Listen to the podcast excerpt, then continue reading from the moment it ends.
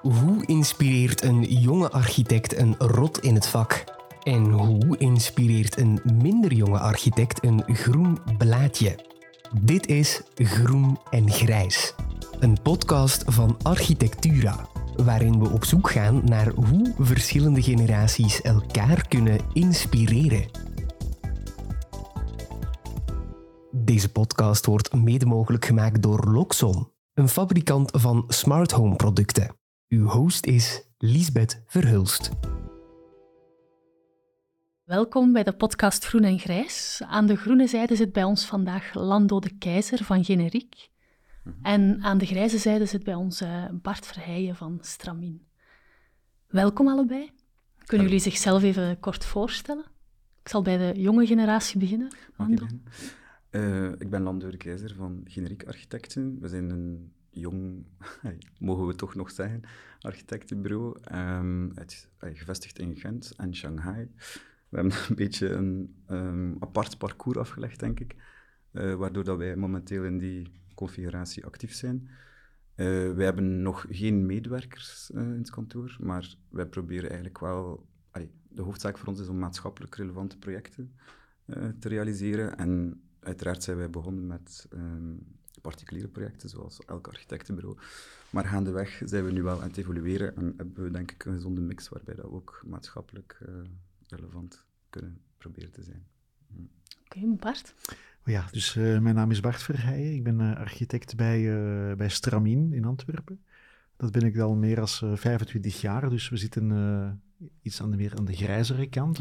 Niet wat ideeën betreft. Ja. Uh, het is denk ik een heel kleurrijk bureau. Ja. Met een 35-tal of 40-tal mensen. Um, de ontstaansgeschiedenis van het kantoor is eigenlijk begonnen in een soort van uh, geloof dat door een van omstandigheden samenwerking werd aangegaan met mensen buiten het architectuurwerkveld, met stedenbouwkundigen, met sociologen, met tuinarchitecten, met landschapsarchitecten. En dat op een bepaald moment merkte van, tja, dat is een enorm verrijkend, uh, een enorm verrijkende ervaring. En vanuit die ervaring is er eigenlijk een soort van samensmelting ontstaan van een viertal bureaus die in die verschillende domeinen werkzaam waren. Uh, en die dan versmolten zijn uh, tot wat Stramien vandaag is. Hè. Dus dat is ongeveer een dikke twintig jaar geleden gebeurd. Dus het DNA is net die, die, die overtuiging dat we een beetje buiten onze grenzen uh, moeten kunnen kijken. En dat we ondertussen merken, en nog altijd merken, uh, tot op vandaag, dat het enorm uh, verrijkend is. Niet vereenvoudigend, maar wel verrijkend. Ja. En dus hebben we daar een relatief, of een, misschien naar Vlaamse normen, een relatief grote groep voor samengesteld. Ja, met hoeveel medewerkers zijn Wel, dus dat, dat, dat, schommelt tussen de 35 of 40, ja. waarvan de helft architecten zijn. er zijn aantal mensen die wat ondersteunend werk doen. We hebben ook stedenbouwkundigen uh, in dienst, landschapsarchitecten. Um, en een aantal iets wat meer technisch gerichte profielen die ons daarin, daarin bijstaan. Bijvoorbeeld een verkeersdeskundige, een, iemand die wat meer op biologie of sociologie gefocust is. het is een, een breed, een relatief breed gamma van, van gespecialiseerde mensen. Ja. Nou, dank u wel voor die voorstelling. Tijdens deze podcast gaan we jullie allicht nog beter leren kennen. We gaan dan ook ineens met de deur in huis vallen en beginnen met het eerste item. Dat is de match. Hè. Um, waarom hebben jullie het andere bureau gekozen of waarom denken jullie dat jullie zijn samengezet voor deze podcast? Ja, ik denk, hey, voor zover ik weet hebben we elkaar niet gekozen, maar denk ik wel dat we een match zijn en ook gematcht zijn uh, door jullie. Um, ik denk ergens de naam uh, van beide kantoren is ergens verwant. Hè.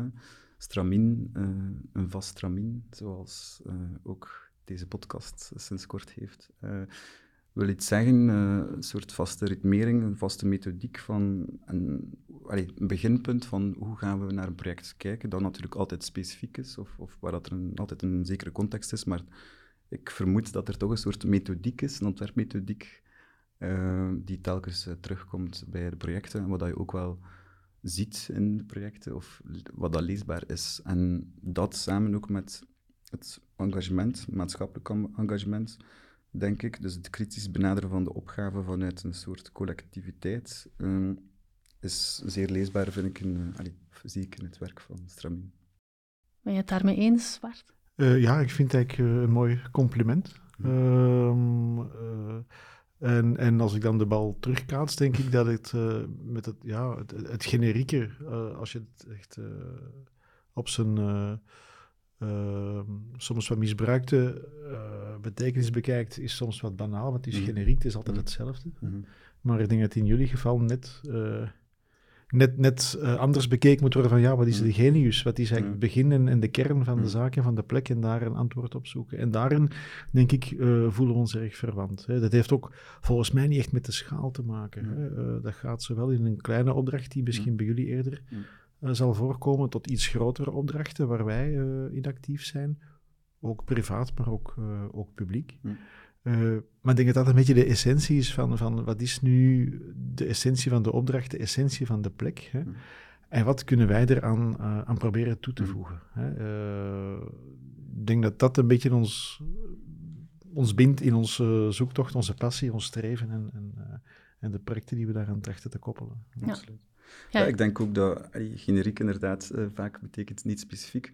Maar ik denk wat we met onze architectuur uh, willen, willen bereiken, be bekomen, is net dat, we, dat het generiek kan gebruikt worden. En ik denk dat dat, dat een beetje de essentie is, dat er eigenlijk heel veel mogelijkheden in het gebouw uh, moeten vrijgelaten worden. En, en dat zie ik ook in de projecten van Stram. Maar ik denk dat we dan zelf niet worstelen, maar, maar vaststellen dat onze naam in twee richtingen kan gebruikt worden. Je hoort ook zo van, ja, stramien, zal wel weer hetzelfde zijn. Ja. Jullie doen altijd hetzelfde, want je hebt een vast stramien. Mhm. maar uh, dat hebben we wel in onze aanpak, in onze overtuiging en in, in, in, de dingen waar we naar zoeken om toe te voegen aan, aan, aan het project. Maar de, de manier waarop dat project uh, vorm krijgt en hoe het uh, uiteindelijk groeit en, en, en tot wat het wordt, is uiteraard altijd uniek, is altijd voor die plek, voor dat moment, hm. voor die bouwheer. Gemaakt door die, mensen. Voilà. het is een context van mensen die architectuur maken altijd ook. Ik, denk, ik denk ook dat, dat een, een, eenzelfde parallel uh, kunt, uh, kunt vinden in het feit dat de, de naam van het kantoor ook geen, niet verwijst naar een persoon. Hm?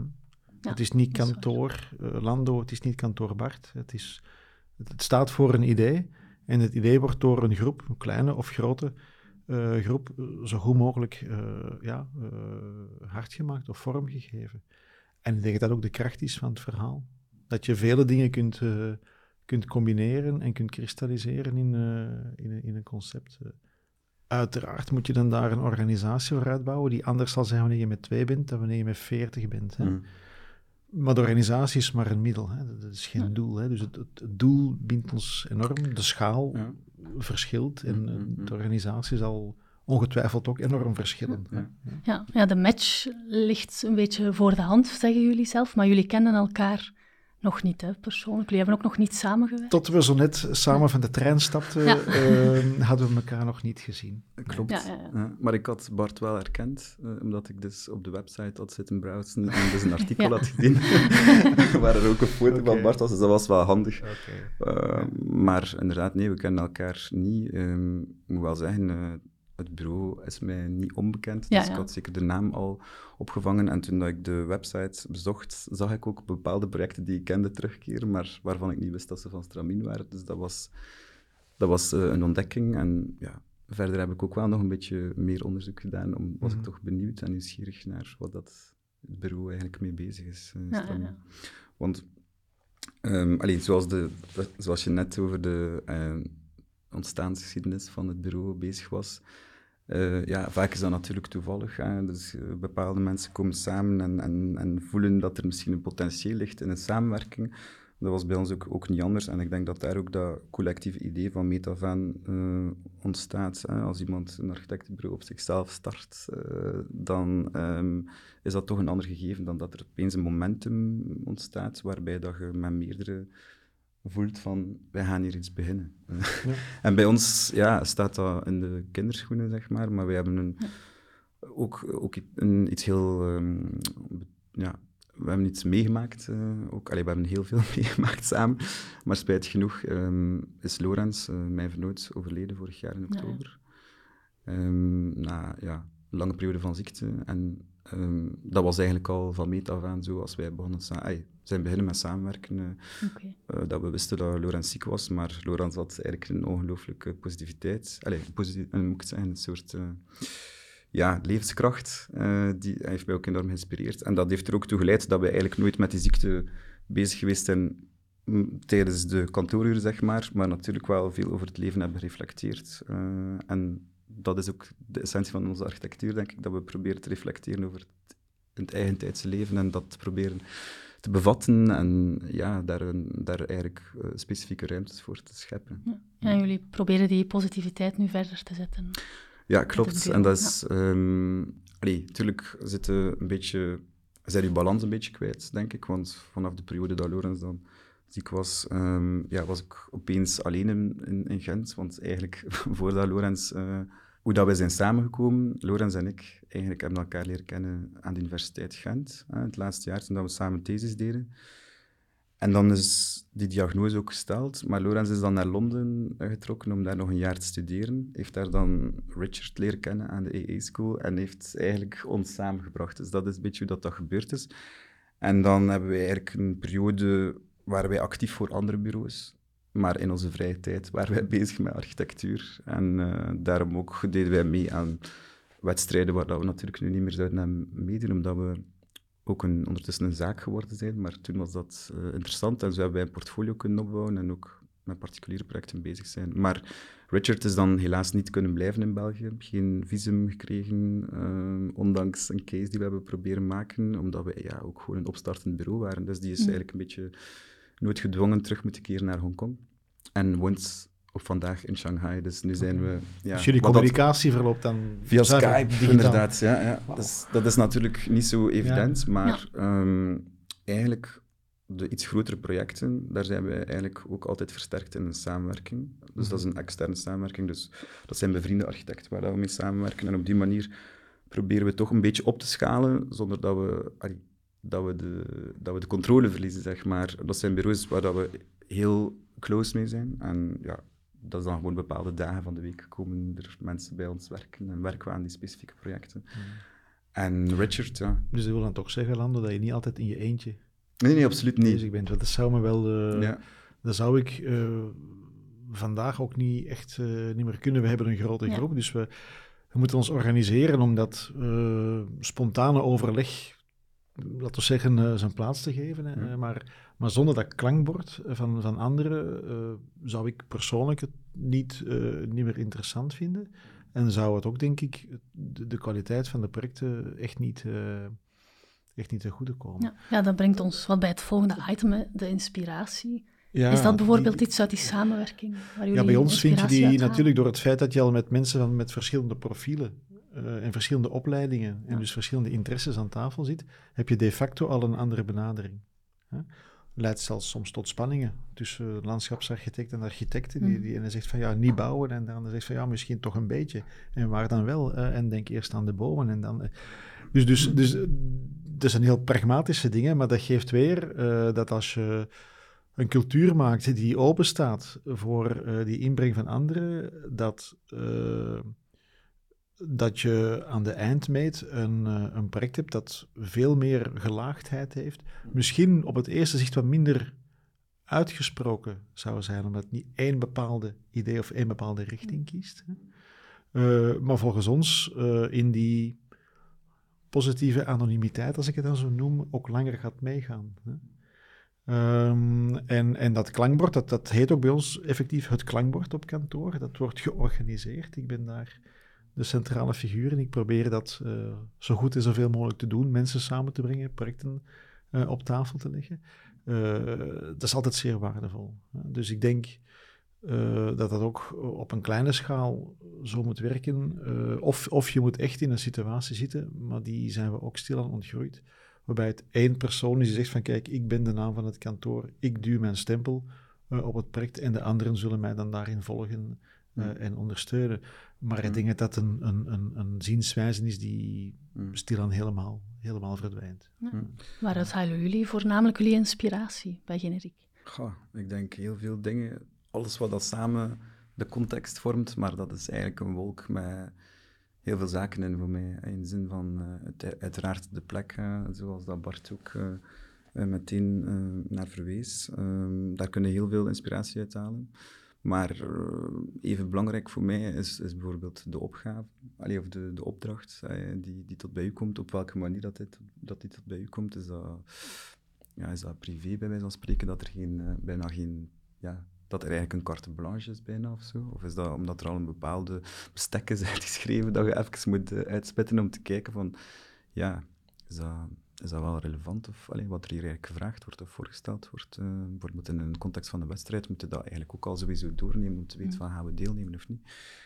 En ehm, ja, daarnaast ehm, denk ik is er zeker ook een inspiratie te vinden in projecten, in eigentijds geslaagde projecten. Uh, Ehm, dus dat is gewoon, denk ik, gewoon door, door rond te kijken en, en ja, in, in, in, de straat, maar ook op, op, op websites. Of, allee, ik volg wel redelijk wat architectuurzaken, uh, platformen, uh, social media, um, waar ik ook wel tot de grond van een project dan probeer te gaan. Want het is natuurlijk, we hebben die beeldencultuur en we zijn eigenlijk heel verwend mm met constant uh, de mooiste beelden van, van projecten te zien, maar ik denk dat het ook gevaarlijk is dat mensen dan niet meer die architectuur doorgronden, eigenlijk, of proberen te doorgronden van op afstand, door daar ook een keer naar een plan te kijken, een snede, uh, de context van waar is dat project gelegen enzovoort. Mm Dus ik denk dat, dat ik dat dan ook wel doe, op het moment dat ik zo'n project uh, ja. interessant vind. Ja. Is dat voor jullie gelijkaardig? Oh ja, ik, um, inspiratie ook heel persoonlijk. Hè? Dus we mm. hebben bijvoorbeeld op kantoor niet een soort van bijbel. We zeggen van kijk, dat is onze stijl. Mm. Hè? En zo, als het een woongebouw is, moet, moet, moet je dat doen. En als het een, uh, een zorggebouw is, moet je dat doen. Een boomstructuur. Dus, dus, helemaal niet het geval. Hè? Dus mm. je,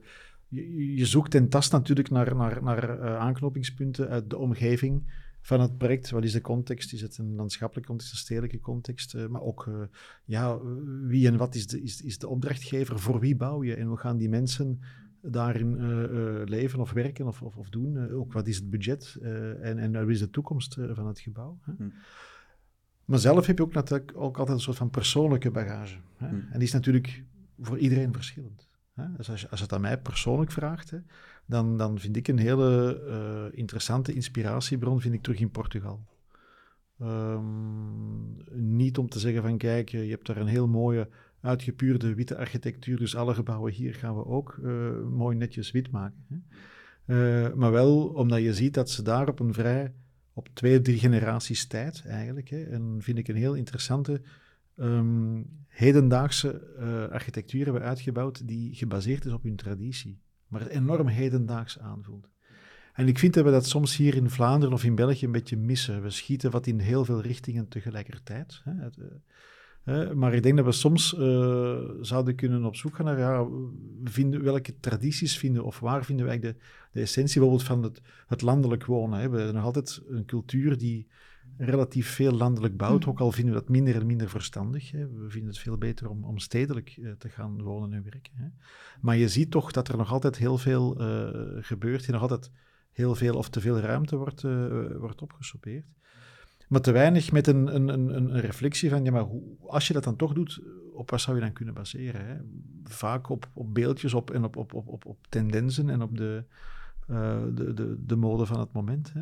Ja, maar ik vind in Portugal, in Portugal heeft men een, uh, een manier gevonden om met een bepaalde beeldtaal vanuit de uh, traditie te werken. En dat vind ik heel sterk. En dat heeft te maken met een bepaald materiaalgebruik, maar ook weten hoe dat je moet bouwen in een bepaald klimaat, dat natuurlijk in Portugal totaal verschillend is als hier. Mm. Hè. Daar is de zon de vijand. Mm. Uh, hier ja, wordt het misschien stil aan, is het misschien stil ook wel zo. Ja. Dat is eventjes ook al. Maar ik vind dat hier uh, in, uh, in onze architectuur, in ons, in ons erfgoed, eigenlijk zoveel aanwezig is. dat is heel van, eclectisch ook natuurlijk. Het is eclectisch, hè, maar ik vind persoonlijk de sterkste gebouwen zijn vaak diegene waar ook geen architect mee te maken had.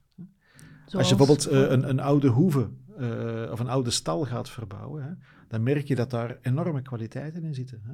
Die heeft een, een mooie proportie, die is uh, goed ingeplant in het landschap. Hè? Heeft een dak dat beschut is tegen, tegen de wind en de regen die er, die er passeert. Heeft een bepaalde hoogte die toch flexibel, flexibiliteit geeft om er vandaag misschien een woning of een kantoor of een bureau van te maken. Ehm, boerderijen, kazernes, oude schoolgebouwen hebben eigenlijk allemaal een soort van, van, van, van ehm, basisstructuur die relatief, op het eerste zicht relatief eenvoudig in elkaar zit, maar daardoor enorme potentie geeft. En ik denk dat we het soms uh, te complex maken met, met een soort van uniek verhaal na te streven in een vormgeving van kijk eens wat het van nou... Maar dat we dan misschien na, te weinig nadenken van oei, uh, onze kinderen of kleinkinderen die met dat gebouw verder aan de slag moeten gaan, wat gaan die er nog van kunnen maken? Ja. Uh, ja. Dus ook daar zit een stukje inspiratie van, van oké, okay, je, je denkt nu na, je bouwt nu, je ontwerpt nu, maar misschien ook stilaan door al lang bezig te zijn door de jaren heen. Hè, en ook, ik kan bijvoorbeeld al terugkijken naar projecten waar ik 30 jaar geleden aan gewerkt heb. Ja, dat is soms heel confronterend. Hè? Ja. Er zijn ook al, onlangs is er ook een project afgebroken waar ik aan gewerkt heb. Dat vond ik bijzonder con confronterend. Okay. Ik dacht van, oei oei. Dus de, de tijdelijkheid uh, van het verhaal en, en dus de zoektocht naar, ja, wat moet je dan doen om te zorgen dat het langer meegaat of langer gekoesterd wordt of, of meer mogelijkheden in zich heeft dan er misschien enkel vandaag gevraagd is. Ja. Ook dat is een inspiratie, of nou, laten we zeggen eerder een zoektocht uh, dan een inspiratie. Ja, ik hoor jullie al veel over projecten bezig. Dat brengt ons wat bij het volgende item, grote ogen. Zijn er bepaalde projecten van elkaar of verwezenlijkingen waar jullie van onder de indruk zijn? Absoluut. Ja, mm -hmm. ja Wat, zeg maar welke. voor mij was dat, allez, waren dat dan toevallig of niet ook de projecten die ik eigenlijk al kende. Ah, oké. Okay. maar, maar ik heb er uiteraard nog leren kennen dan door de website. Maar bon. Um, maar dat is de Schipperskaai in, in Gent. Uh, en dan het project, uh, de loods eigenlijk in Parkspoor Noord.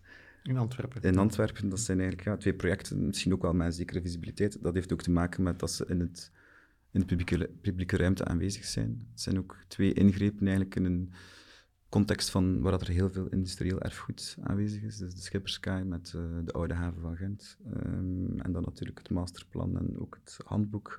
Allee, dat handboek voor de publieke ruimte. Voor de publieke ja. ruimte en de Klopt. kade eigenlijk te gaan. Ja. Uh, allee, een soort handboek dat dan de brug vormt om eigenlijk dan concrete ontwerpen te maken. En de Schipperskaai is daar een voorbeeld van. Correct, ja. ja, dat is ook omdat ik daar ook vaak aan ga lopen en dat dat eigenlijk een project is dat dat, eigenlijk niet, allee, dat ik nooit als project had gezien, omdat het zo van, vanzelfsprekend aanvoelt dat het eigenlijk is, ja, is, is uh, zeg maar opgeknapt. Allee, uh, gewoon met een minimum aan middelen en, en ingrepen in het landschap is daar eigenlijk gewoon een, een, een infrastructuur voor ja, wandelaars en fietsers aanwezig op vandaag die heel intens gebruikt wordt. Mm die uh, ja, volledig opgaat in zijn omgeving. En ik vind dat een enorm geslaagd project. Mooi compliment, lijkt mij. Ja, absoluut, zeker. Ja. Ja. Ook omdat het in zich ook de bedoeling was om het zo uh, ja. op te... Uh, het voelde niet als een project, ja, eigenlijk. Okay. En dat is, dat is misschien een beetje terugkomend op wat je zei, van ja, de beste gebouwen zijn misschien gebouwd door niet per se architecten. Allee, als het zo goed voelt, dan uh, dat je eigenlijk in de publieke ruimte niet meer nadenkt over is dit nu een specifiek, is het nu gewoon een concreet project, dan, ja, dan vind ik dat wel veel zeggen. Ja. Ja. Maar ik ben uh, ook op jullie website gaan kijken, uh, Lando, omdat ik jullie mm. wat minder goed kende. Mm. En, wat mij opviel, en waar ik ook zelfs een beetje jaloers op ben, is dat jullie ehm, in vele gevallen ook vertrekken vanuit soms een wat theoretische benadering of een, uh, een, meer academische benadering van, van hoe moet je met een bepaald idee rondgaan. Je hebt bijvoorbeeld dat project Together Alone, mm -hmm. hè, waar dat je denkt de vraag stelt van hoe moeten we een soort van collectiviteit uh, nastreven binnen een, maatschappij die toch ook de individualiteit nog altijd sterk uh, vasthoudt. als je dat vertaalt op, op gebied van, van, van wonen of van, van bouwen en ruimtelijke ordening is dat volgens mij nog altijd een van de grootste uitdagingen, uitdagingen in Vlaanderen. Hè. Um, dus wij worden er ook dagelijks mee geconfronteerd. Um, maar we gaan denk ik in onze aanpak en in onze methodiek iets minder die, reflectie inbouwen. Hm? We weten dat wel, we hebben wel ook die bezorgdheid van we moeten met die schaarste omgaan. We, we moeten goed nadenken hoe, hoe mensen uh, samen wonen of samen kunnen wonen of anders uh, samen kunnen wonen. We bijvoorbeeld we doen bijvoorbeeld heel wat eh, co-housing projecten, waarin dat we dat proberen concreet gehalte te geven. Hè. Maar altijd meteen gefocust op het project, hè. Het, mm. het, bouwen, het moet concreet, het moet vooruit, het budget is daar, de bewoners zijn daar. Hè. En soms zo eventjes die reflectie nemen, achteruitleunen en zeggen, ja maar kijk, kunnen we daar eens niet een keer over nadenken om dat wat in een ruimer perspectief te zien, dat vond ik bij jullie wel sterk aanwezig. dat, dat heeft misschien ook met de schaal wel een beetje te maken. dat zou kunnen. Dat, dat sneeuwt bij ons nogal iets sneller onder, omdat het moet vooruit gaan. Ja. Het moet het, oh ja, the theoretisch onderzoek kost natuurlijk tijd. Dat kost tijd, ja. En ik denk, bij ons was er een soort schaarste, allee, eerder een beperking, dat we een opdracht uh, toegekend kregen voor een woning. Ja. Bijvoorbeeld een nieuwbouw, nieuwbouwwoning in, in de rand van Gent of zo, ik zeg maar iets. En dat we eigenlijk voor onszelf een tool uh, hebben bedacht om daar uh, meer vanuit de schaal van de buurt naar te kijken. dus we hebben dan gewoon die buurt van die woning geanalyseerd en eigenlijk nagedacht over hoe dat daar misschien een transformatie mogelijk is. Bij de perceelsgrenzen eigenlijk te abstraheren, te gaan kijken op schaal van een wijk. Hoe kunnen woningen geconfigureerd worden in deze context? Uh, waarbij dat er misschien uh, ja, collectieve ruimtes ontstaan. Bijvoorbeeld vaak de tuin, uh, die, dan, um, die we dan als collectief zagen. En dan gaf dat ook... Voor ons was dat een tool die dan ook terug... Een soort input gaf naar, het, naar de essentie van het project. Dat is een soort, ja, eigenlijk door het venster te vergroten, mm -hmm. krijg je eigenlijk input of kun je dingen ja, destilleren die je dan terug in dat project steekt. En, maar natuurlijk, ja, dat heeft heel veel tijd gekost, dat onderzoek. En zoals Bart zegt, ik, dat is heel moeilijk, jammer genoeg, om om bij elk project uh, zoveel tijd daarin te investeren. Ja, dus de, de, iets grotere schaal laat het soms toch, toch ook wel ja. toe. Hè? We ja, bijvoorbeeld een, uh, je hebt er ook naar verwezen, naar het project De Wastuin, hè, waar we mee bezig zijn. Dus een oude semi-industriële site in Berchem, een oude wasserij eigenlijk. Hè? Waar we nu een, een woonsite van gaan bouwen, waarin we verschillende oude onderdelen uh, gaan proberen te behouden uh, en te integreren. Maar vooral waar we zoeken naar een manier om interessante woonplek te maken, ook nog een betaalbare woonplek, hè?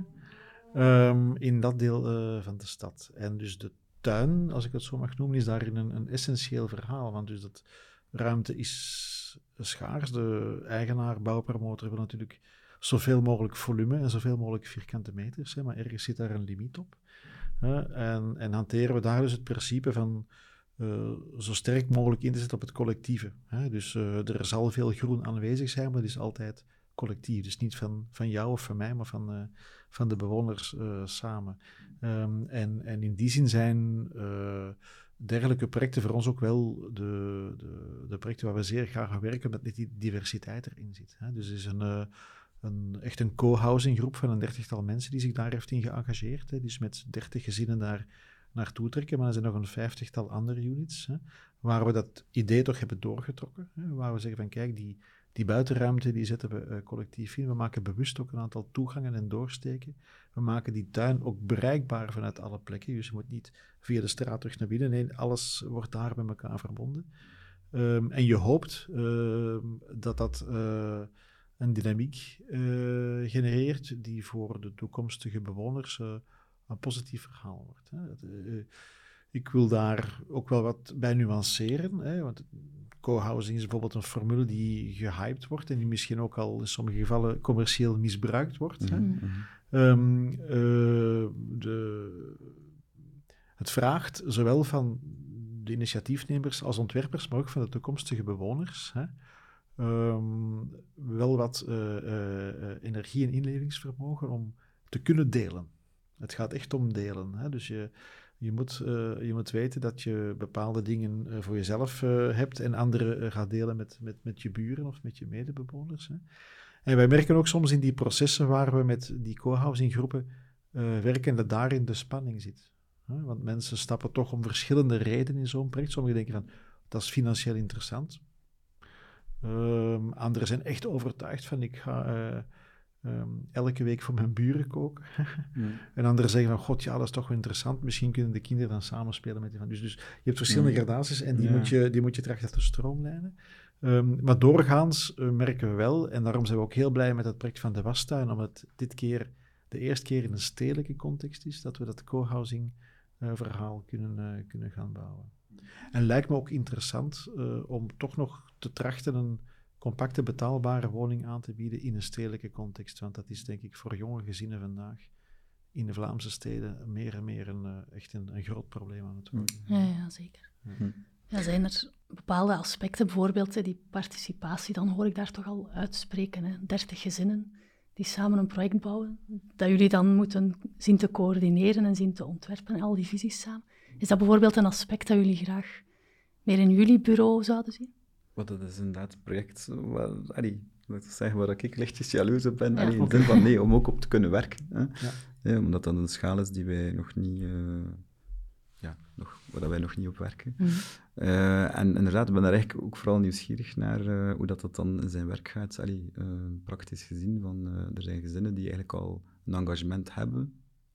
Eigenlijk nog voordat dat project startte, die zijn eigenlijk al aan, elkaar gelinkt. Of, Klopt. ja. ja. En daar is ook nog een soort van opdrachtgever die daar ook intussen... Allee, een algemeen opdrachtgever? Of? Ja, er is natuurlijk een, algemene eigenaar, hm. uh, uh, hm. projectontwikkelaar, ja, die de hele site ontwikkelt. Hm, Het is eigenlijk onze opdrachtgever. En een van de bevoorrechte bewoners is de groep ja. uh, co-housers, die ongeveer met, ik zeg nu 30, het zijn er misschien net iets minder, 26 zijn, die zich ook wel organiseren. Hè, die is ook niet altijd met 26 te samen bij ons op kantoor aanwezig zijn, hè, maar waar toch wel heel intensieve uh, gesprekken mee worden gevoerd om hun deel op maat te maken van hun wensen binnen de afspraak die zij hebben gemaakt financieel met de bouwpromotor. Hè. Want het gaat over hoeveel vierkante meters neem je over, aan welke prijs. Hè, en, en, en binnen welke marge en bouwkost kan je dan daarmee aan de werk, uh, aan de slag gaan. Hè. Op zich lijkt dat complex, maar um, door onze ervaring met co-housing projecten weten we ook waar natuurlijk de uitdagingen en de moeilijkheden liggen. Moeilijkheden liggen. En die liggen in de verhouding tussen wat je collectief en privaat maakt. Hè. Ook financieel. Hè. je zou kunnen zeggen, we gaan heel veel investeren in, in, in collectieve ruimte, nog een grote feestzaal en, en en logeerkamers en werkruimtes en speelkamers enzovoort. Maar natuurlijk, die gemeenschappelijke vierkante meters moeten gedragen en betaald worden door de mensen die privaat investeren. Die dan wel zeggen, ja, maar ik kan mijn woning een beetje kleiner maken, want die derde slaapkamer heb ik niet nodig als ik een logeerkamer kan gebruiken uh, in het collectieve deel. Maar, dus die, die, die balans moet je uh, goed bewaken. Maar doorgaans uh, vraagt dat wat extra energie, maar omgekeerd uh, heb je meer voldoening omdat je net op maat van die groep kan werken. Anders bouw je, ja, of, of bedenk je zo goed mogelijk en zo zinvol mogelijk appartementen. Komt nadien er iemand in wonen waar je dan ook veel minder binding hebt. Dus veel meer persoonlijke betrokkenheid. Ja. Ja. Ja. Ik hoor hier ook al veel gemeenschappelijke grond. Mm -hmm. Zijn er ook punten waarop jullie van elkaar verschillen als bureau? Zijn jullie ook tegenpolen op bepaalde vlakken? Wellicht wel. Ja, dat gingen we ontdekken tijdens ja. dit gesprek. Hè, maar het is zijn er al gebeurd. dingen boven gekomen? Uh, ja, we zijn sowieso tegenpolen in de zin dat we in een andere schaal actief ja. zijn, denk ik. Maar hey, dat is aan bod gekomen. Tegenpolen als bureau of als persoon, dat, ja. ja dat kan ik op dit moment moeilijk zeggen. Nee. Uh, dat heeft ook een, een, negatieve connotatie misschien, tegenpolen. Terwijl dat, dat misschien iets positiefs is, want vaak in een ontwerpproces moet je bijna met tegenpolen zijn om Allee, om tot een kritische benadering van de opdracht te komen of van het project. Ja.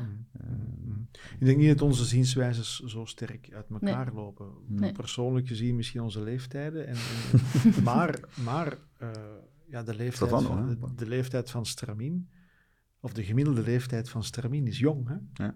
ja. Hè, dus, dus, dus het is niet zo dat wij een, een, een Jullie zijn, een zijn met, met, met, met 40 grijze, oude grijze mannen. ja.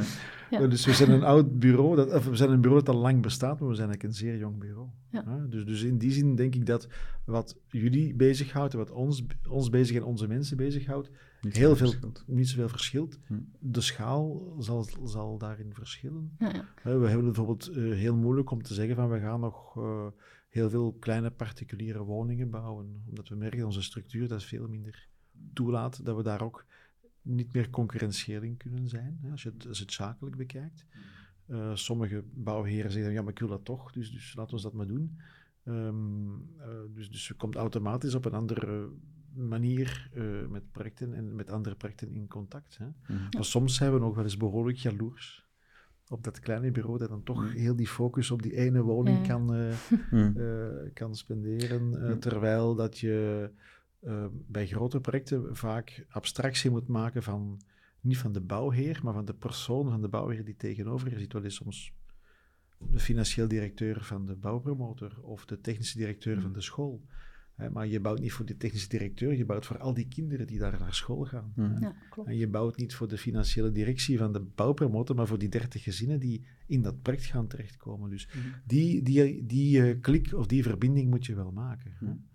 Ehm, Ja. Maar als je dat kan, dan verschilt het denk ik weinig, want dan gaat de essentie over hoe kan je inleven in het project, in de persoon die erin terechtkomt, in zijn mogelijkheden, zijn dromen, financieel, ruimtelijk, eh, sociaal. Mhm. En ik hoor bij jullie ook altijd het, het verhaal van wat is de maatschappelijke relevantie of waar, is de, waar zit de maatschappelijke meerwaarde? Die zoeken wij ook altijd in elk project van hoe kunnen we eh, daaraan eh, sleutelen. Dus ik denk niet dat we het echte tegenpolen zijn. Ja, ik denk dat we inderdaad beter ineens overgaan naar de spiegel. Oké. Hè, wat zijn de gelijkenissen tussen jullie dan? Hè, want ik hoor toch veel eh, dat- overeenkomsten. Dat er daar al Denk veel van aan bod Ja, gekomen ja, zijn inderdaad. eh, Ja. in dit gesprek. Ehm, Ik kan niet zo meteen op, op, op nog een komen. Maar... We gaan beide met de trein. ja. Ja, die motivatie toch wel, hoor ik. eh, Eh, ja, die maatschappelijke impact die toch ik wel denk het, ja. Ik belangrijk denk het, is. ja. Wij zijn ook eh, als kantoor heel veel bezig met de, de impact van mobiliteit. Hè? Ja.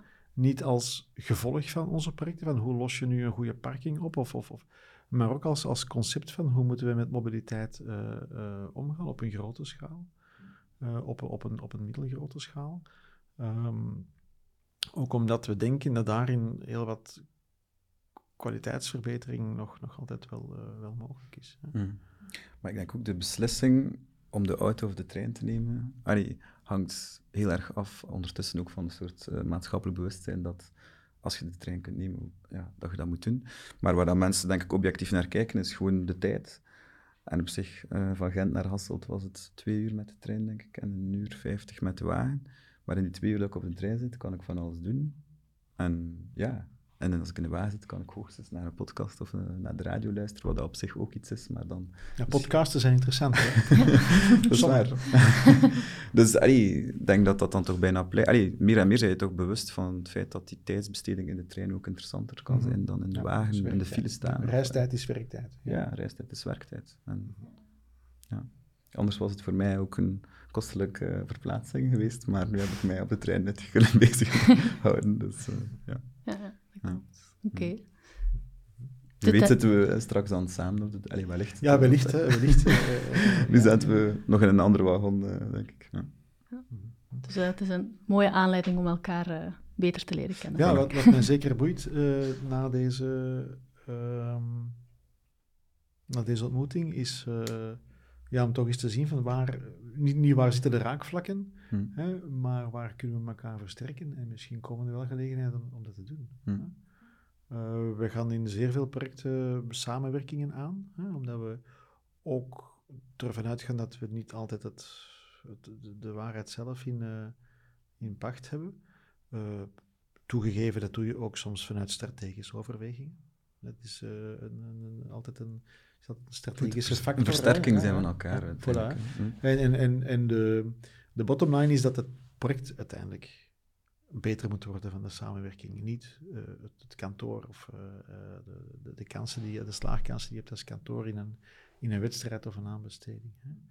Maar wat ik wel interessant vind, is hoe dat je bijvoorbeeld kunt nadenken over eh, nieuwe of veranderende vormen van individueel wonen. En die kunt combineren in een soort van project waar de collectiviteit ook eh, sterk aanwezig is. Hè. En dat doen we nogal veel. Bijvoorbeeld, we maken veel masterplannen eh, voor nieuwe ontwikkelingen, eh, voor gemengde ontwikkelingen, voor woonontwikkelingen. Hè. En is het altijd zeer interessant om, om binnen die volumestudies of die schema's die je onderzoekt, toch eens te kijken van, ja maar, als wij stedenbouwkundig die en die en die verhalen vastleggen of bepalen, wat kan je er nadien nog mee doen? Hè? Ehm, is dat dan nog wel werkbaar, hanteerbaar? Is dat flexibel genoeg? Hè? En daar bijvoorbeeld een aantal reflecties of, of, of oef- oefeningen in maken, kan dan teruggekoppeld worden naar het master om te zeggen van kijk, die optie is misschien niet zo verstandig, want die beperkt in bepaalde mate dit of dit of dit. We gaan er misschien... Dus, dus ik zie er wel een soort van... Er kan een dialect, Mm. dialectiek ontstaan tussen die grote en die kleine schaal en die elkaar wat kunnen bevruchten. Dus, eh, Maar het kadaster is natuurlijk nog altijd iets. Allee, ehm, Vlaanderen allee, is, is enorm versnipperd. Hè? Dus, allemaal, dat zijn allemaal private kavels. En dan is het heel moeilijk om daar natuurlijk een soort van eh, transformatie in dat weefsel teweeg te brengen. omdat het allemaal gekristalliseerd is in, in, eh, in, in een privaat gebruik. Hè. Dus je moet dan eigenlijk al meerdere ja, eigenaars kunnen overtuigen om iets collectiefs te doen. En daar liggen ook, denk ik, veel uitdagingen. Nu bijvoorbeeld woonuitbreidingsgebieden of zo, of gewoon algemeen wijken en, en, dorpen en zo. Daar kennen we het klassieke wijkmodel nog altijd, uh, wat dat ook ergens generiek is en eigenlijk over de wereld terugkomt. Maar ehm, daar liggen volgens mij enorme kansen, uh, zoals dat Bart ook aanhaalt. Maar dan moeten, denk ik, ook de perceelsstructuren misschien ook in vraag gesteld worden. En dat lijkt mij ja, waarschijnlijk praktisch heel moeilijk om daar iets aan te doen. Uh, ja en nee. We zien toch vaak uh, meer, uh, als we bezig zijn met stedenbouwkundige masterplanning, dat het vaak een combinatie is van eigenaars, hè, die ook al hebben beseft van als we met z'n drie of z'n vier samen nadenken, dan gaan we meer kunnen doen. Het is altijd vanuit een economische overweging, dan wanneer iedereen op zijn eigen plaatje blijft steken. Hè. Mm. dus het is de kunst om, om over die grenzen heen te kijken en te zien dat er inderdaad meerwaarde ontstaat. Maar die meerwaarde mag zich natuurlijk niet enkel vertalen dan in de portemonnee van de opdrachtgever, maar ook in de collectiviteit, in bijvoorbeeld open ruimte die ontstaat of groene ruimte die kan behouden blijven op één perceel die waardevol is, door een andere misschien uh, beter uh, meer te gaan ontwikkelen, dat je het als communicerende vaten uh, beschouwt. Dus daar zien we toch wel meer en meer tendensen van iets grotere ontwikkelingen, um, waar dat je wel die positieve impact op kunt kunt projecteren, zeker en vast. Ja. ja. u haalde ook al aan dat er bij Stramin veel jonge mensen ook werken. Zijn dat tendensen die je merkt bij de jongere generatie, dat bijvoorbeeld die collectiviteit ja, je ziet, uh, ik denk misschien vanuit de eigen ervaring, waar jonge mensen zelf ook tegen botsen als ze zeggen van ja, we zouden graag in de stad blijven wonen, maar we vinden niks dat betaalbaar is en toch een beetje kwaliteit heeft in groen. Uh, uh, anderzijds denk ik dat zeker zij ook zich sneller kunnen inleven in een model van, uh, ja, wat als je collectief gaat wonen, tot waar kan je die grens trekken en hoe weinig heb je nodig om je privacy te garanderen en hoeveel wil je delen. Hè? Dus ik denk dat het ook iets is wat jij dan, of wat ik dan uh, zeker vast uh, van, van, van kan leren.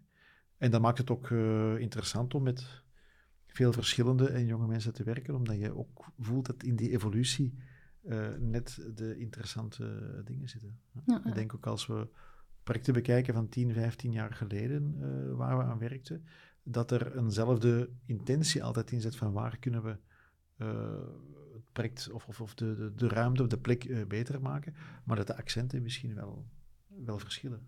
Ja, Dat wel. Ja, en, en niet alleen, alleen architectuur is geëvolueerd of architecten zijn geëvolueerd, maar ook opdrachtgevers. Dus de hele cultuur is ook wel ten goede, denk ik, uh, geëvolueerd. Dat er ook wel, dat opdrachtgevers toch ook kritischer kijken naar de opgave. Of mhm. die opgaves samen proberen scherp te stellen met, met uh, belanghebbenden, met architecten, soms ook met aannemers enzovoort. Die duurzaamheidsgedachte van, van bouwen voor 30 jaar of zo, hè, en dat dan koppelen bij, bij een DBFM-project. Dat zijn ook zaken die nog niet, allemaal niet zo lang bestaan, maar waar, wat sowieso wel uh, inhoudt dat er op een andere manier over bouwen wordt nagedacht dan een soort korte termijn denken van we, willen hier snel een droom realiseren en, en, en, en dan zien we wel. Ja, dat brengt ons een beetje bij het volgende item, met de mm. verbinding. Mm. Hoe kunnen jullie elkaar daarin versterken en in bijstaan om die, al die elementen die jullie hier aanhalen, dat belangrijk zijn, meer gerealiseerd te zien? Doe wel en zie niet om. Ja, nee, nee, zie wel om. Ja, um, ja goh, we versterken. Um, ik denk dat je wel merkt dat er, zoals jij zegt, Lando, dat er tendensen zijn, ook bij opdrachtgevers en bij ontwerpers, die zeggen van wat is de essentie waar we mee bezig uh, moeten zijn. Um, en daar ook uh, voor gaan. Uh, ik denk jullie misschien op kleinere schaal, mm. op grotere schaal. En dat moeten we zeker vast koesteren. Mm. Um, vandaag hebben we elkaar al veel schouderklopjes gegeven, dus dat is goed. Um, hoe kunnen we elkaar daarin versterken? Ik geloof niet echt in een soort van, van, van uh, grote lobby of grote wijsheid die je mm. moet, uh, moet proclameren, maar ja, verstandig, uh, verstandig verder doen en, en, en mm. kritisch, kritisch bezig blijven. En, en ik denk jezelf ook heel veel in vraag stellen. Mm. En, en ik heb het straks al gezegd, ik heb het voordeel om nu al eens te kijken naar dingen waar ik 30 jaar geleden aan heb meegewerkt. En dat is soms heel confronterend. denk je van, oei, misschien heb ik dat toch al geleerd om dat wat minder en wat meer dat te doen. Hm. Uh, dus jezelf ook relativeren. Maar uh, toch ook wel in de, de- in de hele discussie je, je plaats opeisen. En ik, ik zeg dikwijls van, we moeten beseffen als architect hoeveel impact dat we hebben, want vaak in een project zitten we aan het begin van de denkketen.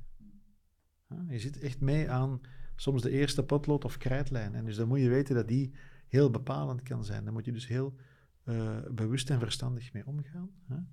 Maar ook bescheiden mee omgaan. Hè? Je, ik denk dat je de droom hebt om eh, ja, niet de wereld te verbeteren, maar bij te dragen Mhm. eh, Mhm. aan de wereld. En dat is denk ik ook de droom die je moet, moet vasthouden en koesteren. Hè. Ehm, en, en daar zien hoe dat je met een zo aangenaam en duurzaam mogelijke manier zoveel mogelijk droomgehalte kunt, eh, kunt waarmaken. Maar niet ten koste van alles. Stramin Mhm. speelt op dat vlak wel wat een voortrekkersrol. Het is al een groter bureau met al een zekere naam. Mhm.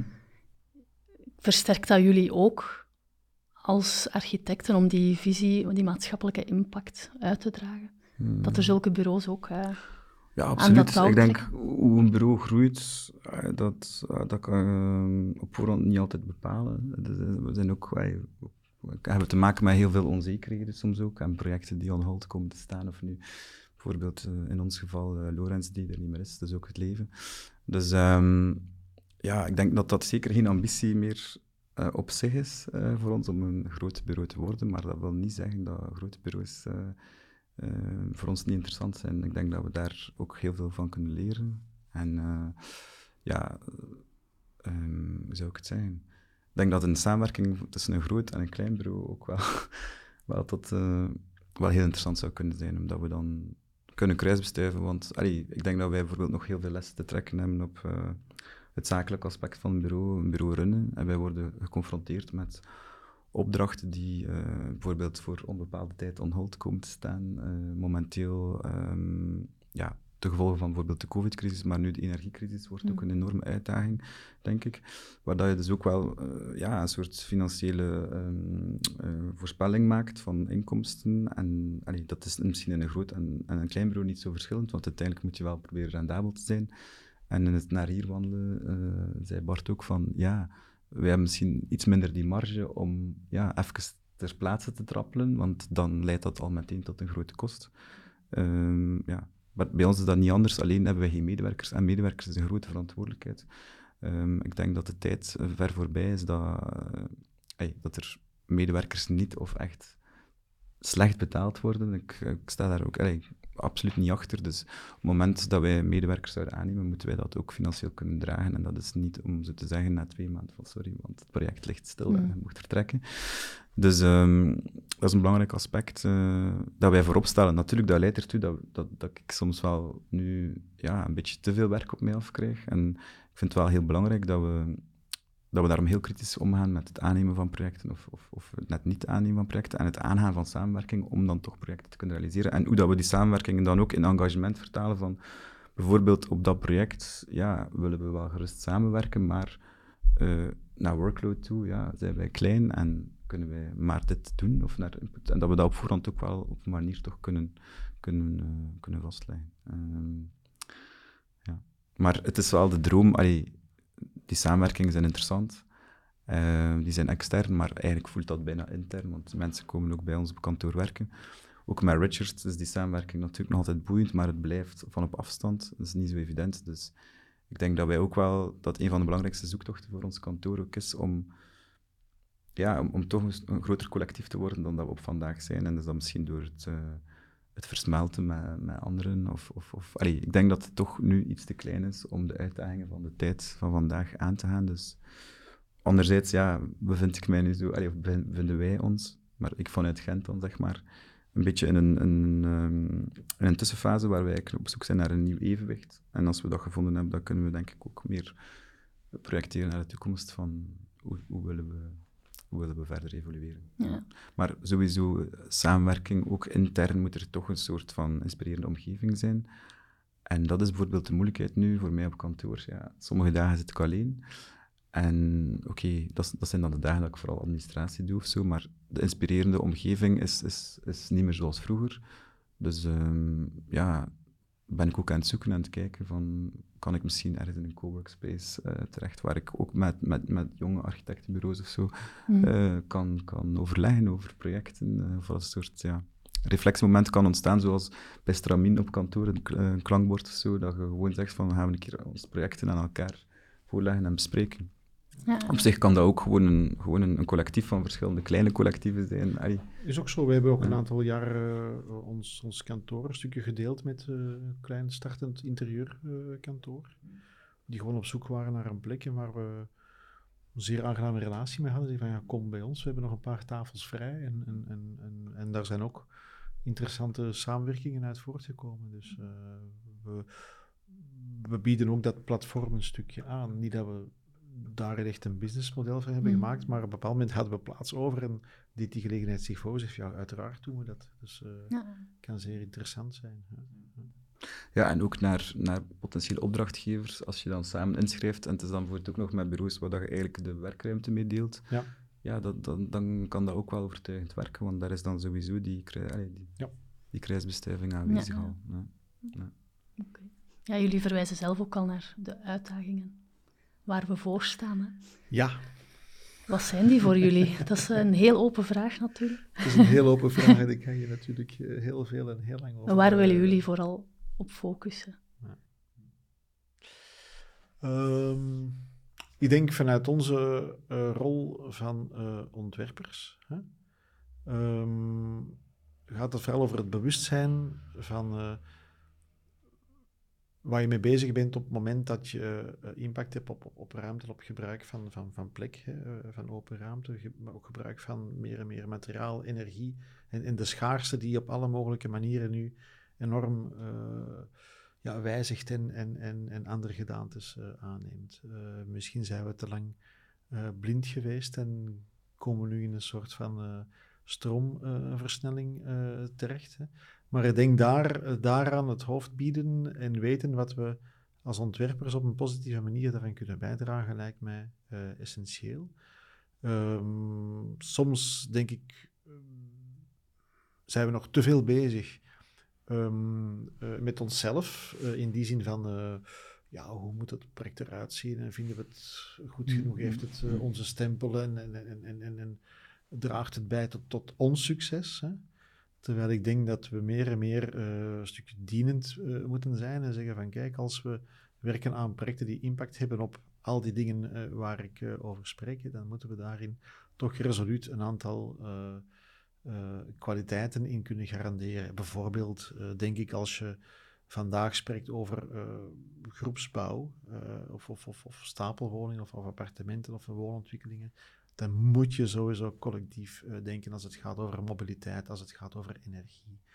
Uh, je kan dat niet meer allemaal op dat individuele uh, kaveltje of de individuele portemonnee gaan, gaan, gaan afwikkelen. Dat moet je gewoon doen. In de, in de collectiviteit, in het ontwikkelen van de collectiviteit zit volgens mij nog altijd een grote sleutel tot, tot ja, interessantere toekomst. natuurlijk, alles hangt ook weer samen met hoe dat een beleid zich verder ontwikkelt en hoe je daarop kunt, uh, kunt inpikken. Maar zelfs daar kunnen we misschien beleidsmatig niet sturen, maar misschien inspireren en zeggen van kijk, uh, maak toch een aantal hinderpalen die bijvoorbeeld vandaag ehm, in de weg staan om zonnepanelen te delen.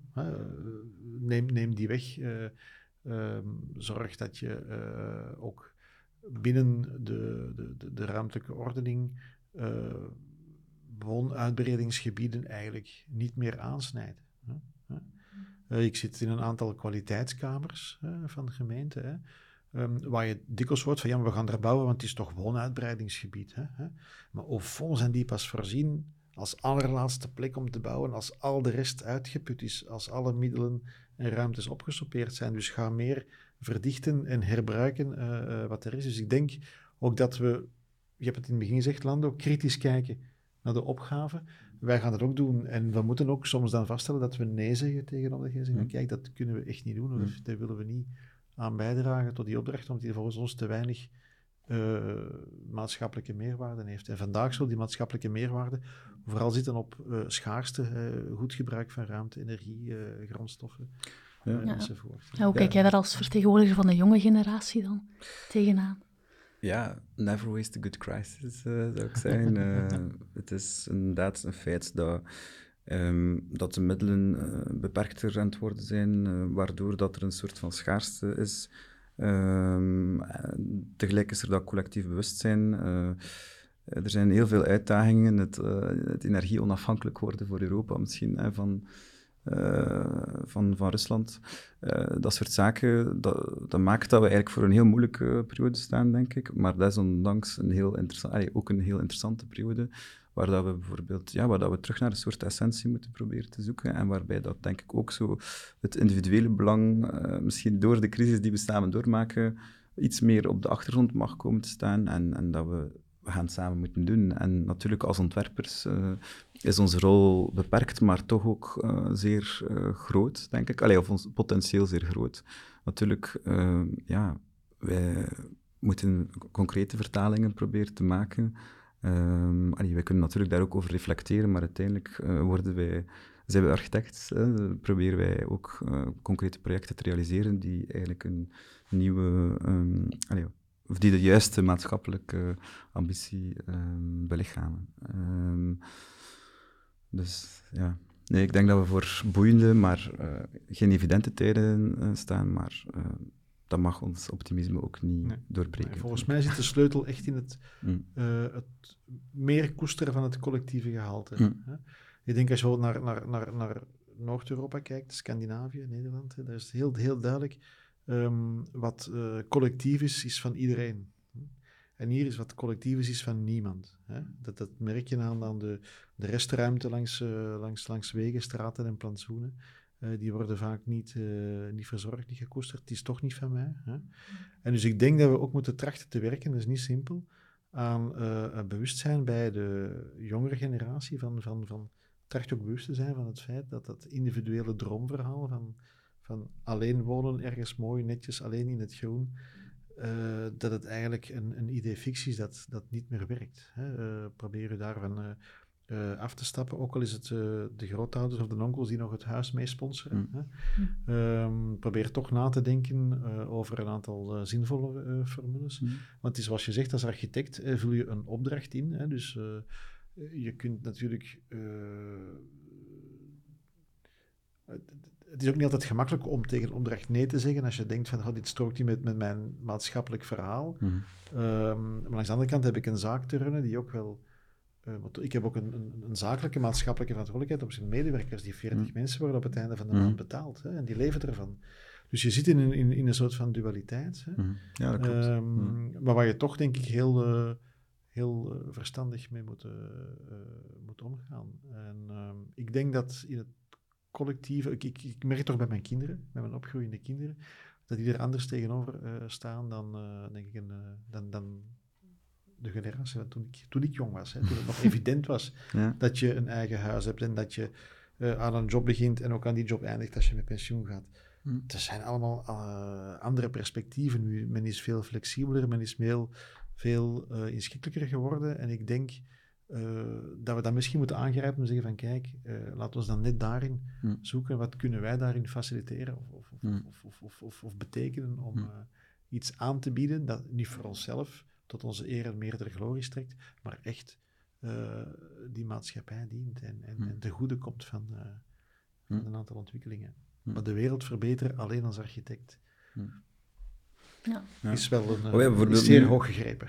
Hey, maar je moet er wel voor gaan. Ja, gewoon om het concreet te maken ook. Allee, we hebben nu een project voor een school, uh, waar dat eigenlijk um, de subsidie eigenlijk uh, een forfait is. Allee, dus eigenlijk, ja. drie, vier jaar geleden is er een budget vrijgemaakt. Okay.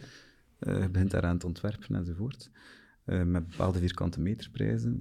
en dan komt eigenlijk tot de constatatie dat je kleiner moet worden, of je moet echt ja, naar de essentie van wat, wat dat er nodig is, echt gaan en, en eigenlijk alle alle insteken die in het ontwerp zaten, die misschien daar niet toe bijdragen tot die essentie van dat project, gewoon schrappen, laten vallen. Ja. Laten vallen.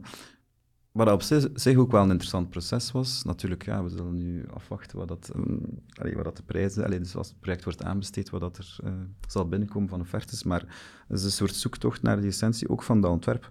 Eh, waarbij dat er wel natuurlijk de focus ligt op toch die, die ruimte die die school ook echt nodig heeft, wel te behouden en daar eigenlijk niet op te gaan inboeten, maar toch uh, ja, te kijken waar dat we toch nog zaken ja, efficiënter kunnen maken. Uh, bijvoorbeeld opbouwen van wandopbouwen of zo, die dan misschien een eensteense muur, wat dan een spouwmuur was of zo. Allee, dat soort van zaken, ja. Dus het, het, het, het, dwingt u, het noopt u tot het uitpuren van uw dossier ook. En dat vind ik op zich ook wel Mm. interessant, want dat ja, draagt bij tot minder materiaal uiteindelijk. Ehm, en misschien even goede ruimtes. Nou, we sluiten deze podcast altijd af met de tip. Hebben jullie een bepaalde tip voor de andere generatie?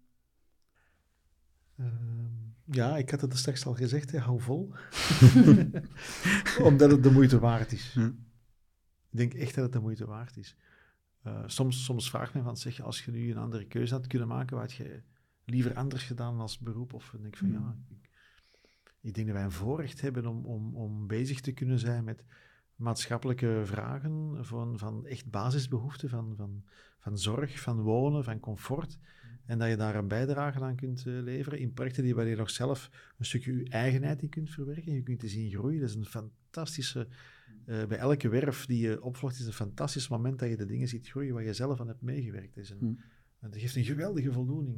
Ik probeer mij bijvoorbeeld Eh, in te beelden, eh Parkspoort Noord, de loods. Ja. Als je daar dan zo bijvoorbeeld wandelt op een Zalig, zondag of zo ja. en je ziet daar mensen samenkomen, dat is een van de grootste, denk ik, eh, voldoeningen. En dan sta je daar als architect eh, toch in te Ja. genieten, stil te genieten. daar stiekem fier te zijn. Ja, en dat is ergens ook wel, denk ik, het, grootste, het hoogste goed, denk ik. eh, Ja. Dat je, Ja.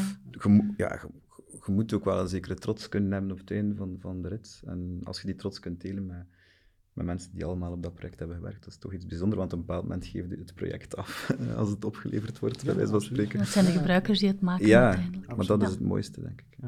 Ja, ja, dat je ziet dat het op een of andere manier wordt, eh, ehm, wordt ingeschakeld in een, in een kwalitatief verhaal. Hè, dus soms is het anders dan je had gedacht van oei.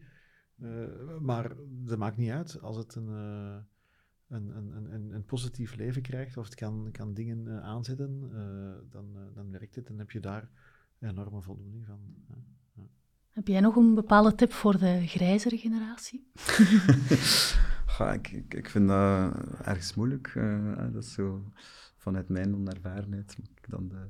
Nee, ehm, ja, ik denk eerder clichématig inderdaad van eh, we leven in, eh, maar ik denk dat Bart zich daar ook wel van bewust zal zijn, maar we leven ook in eh, een tijd waar dat er zoveel informatie op ons afkomt en dat dat voor sommigen moeilijk is om, om dat nog te kanaliseren enzovoort. Dus dat je ja, toch bij tijd en stond even een stapje, allee, dat- eventjes uit het ehm, dagdagelijkse stapt, de red race zogezegd, hè, om, om dan toch even te herbronnen, eh, om het op lange termijn te blijven volhouden, omdat ja, Hmm. dat is een van de uitdagingen, denk ik, voor de dag van vandaag. eh, maar niet alleen voor ehm, iets minder eh, eh, groene eh, architecten, Ja. hoe zou ik nu omschrijven Dus jullie voor dat? iedereen eigenlijk. Maar voor iedereen, ja. Ja. Ja. En doe veel dingen die niet met je job, die niks met Ja. je job te maken hebben. Hm. Ik denk dat dat ook eh, belangrijk is. Voor mij persoonlijk, maar Ja. ik denk dat dat voor iedereen Ja, is. Eh, Dat- dus, eh, zijn- Het inspireert, het ontspant, het verruimt, Ja. het verrijkt. Ja. Eh, ik moet ook eerlijk zeggen dat de, de echte of de, de, soms heb je de klik van ideeën die, die, die, die ineens zeggen, ja, ik heb het gevonden. Dat, dat Niet nooit op bureau, hè? Dat is nooit op kantoor, hè. Dat is terwijl dat je in bad zit, of je bent aan het Hm. fietsen, Hm. of je bent aan het zwemmen, of je zit in een concert. Ehm, Hm. Dus eh, creëer die momenten door zoveel mogelijk andere dingen te doen. Nee, Ja. Of door veel dingen te Of doen die niets met, Ja. je, met je job te Ja. maken hebben. Of, of gewoon met je naasten te babbelen of zo. Ook. En dan komt daar opeens iets uit. Voilà, voilà, voilà. Want ik vind het ook interessant om over projecten te praten met mensen die niet per se architect zijn. Mm. Daar komen soms ook heel mooie dingen uit. Omdat dat, Ja, eh, dat is eigenlijk misschien dan om af te sluiten, dan zeg ik vaak tegen, als we in een klankbord zitten, hè, zeg ik probeer te peilen naar de essentie van het project. Wat zou dat nu zijn? Hè? En hier ligt een bierkaartje op tafel. Van, daar moet je het op kunnen tekenen en je moet naar huis gaan en je moet het aan je kleine kinderen kunnen uitleggen en aan de grootmoeder. Hè? En, en als je het zo eenvoudig kunt, kunt, kunt verwoorden, kijk, dat is nu de essentie waarover dat gaat, hè, dan, eh, dan heb je een goed concept. Hè? Eh, dus het heeft te maken met, met de essentie, het uitzuiveren, het overbodige uh, weglaten. Waar ben ik nu eigenlijk mee bezig? Dus eh, eh, leg het uit aan je kinderen. En proberen Ja. eh, daaruit te leren. Hè. En een hebben- bierkaartje op te En het schetsen. bierkaartje, Dus, ja, natuurlijk, je mag met hen nog niet op café gaan, dus je kan ook gewoon een tekenblaadje nemen. Ja. Ehm, en zij zijn vaak zo onbevangen eh, en eerlijk dat het de, de meest waardevolle eh bijdrage is die je kunt bedenken. Dat zijn mooie woorden, denk Voilà. ik. Ja, sluiten. perfect. Oké. Ja, mooie tips om deze aflevering van Groen en Grijs mee af te sluiten. Dank u wel voor jullie komst en eh, tot snel hopelijk. Graag gedaan. Graag gedaan. Graag gedaan. Dank u. Dit was Groen en Grijs, een podcast van Architectura. Deze aflevering werd mede mogelijk gemaakt door Loxon. Bedankt voor het luisteren. En vond je deze podcast leuk? Beluister dan zeker ook onze andere podcasts op Architectura en Circubeeld. Tot horens!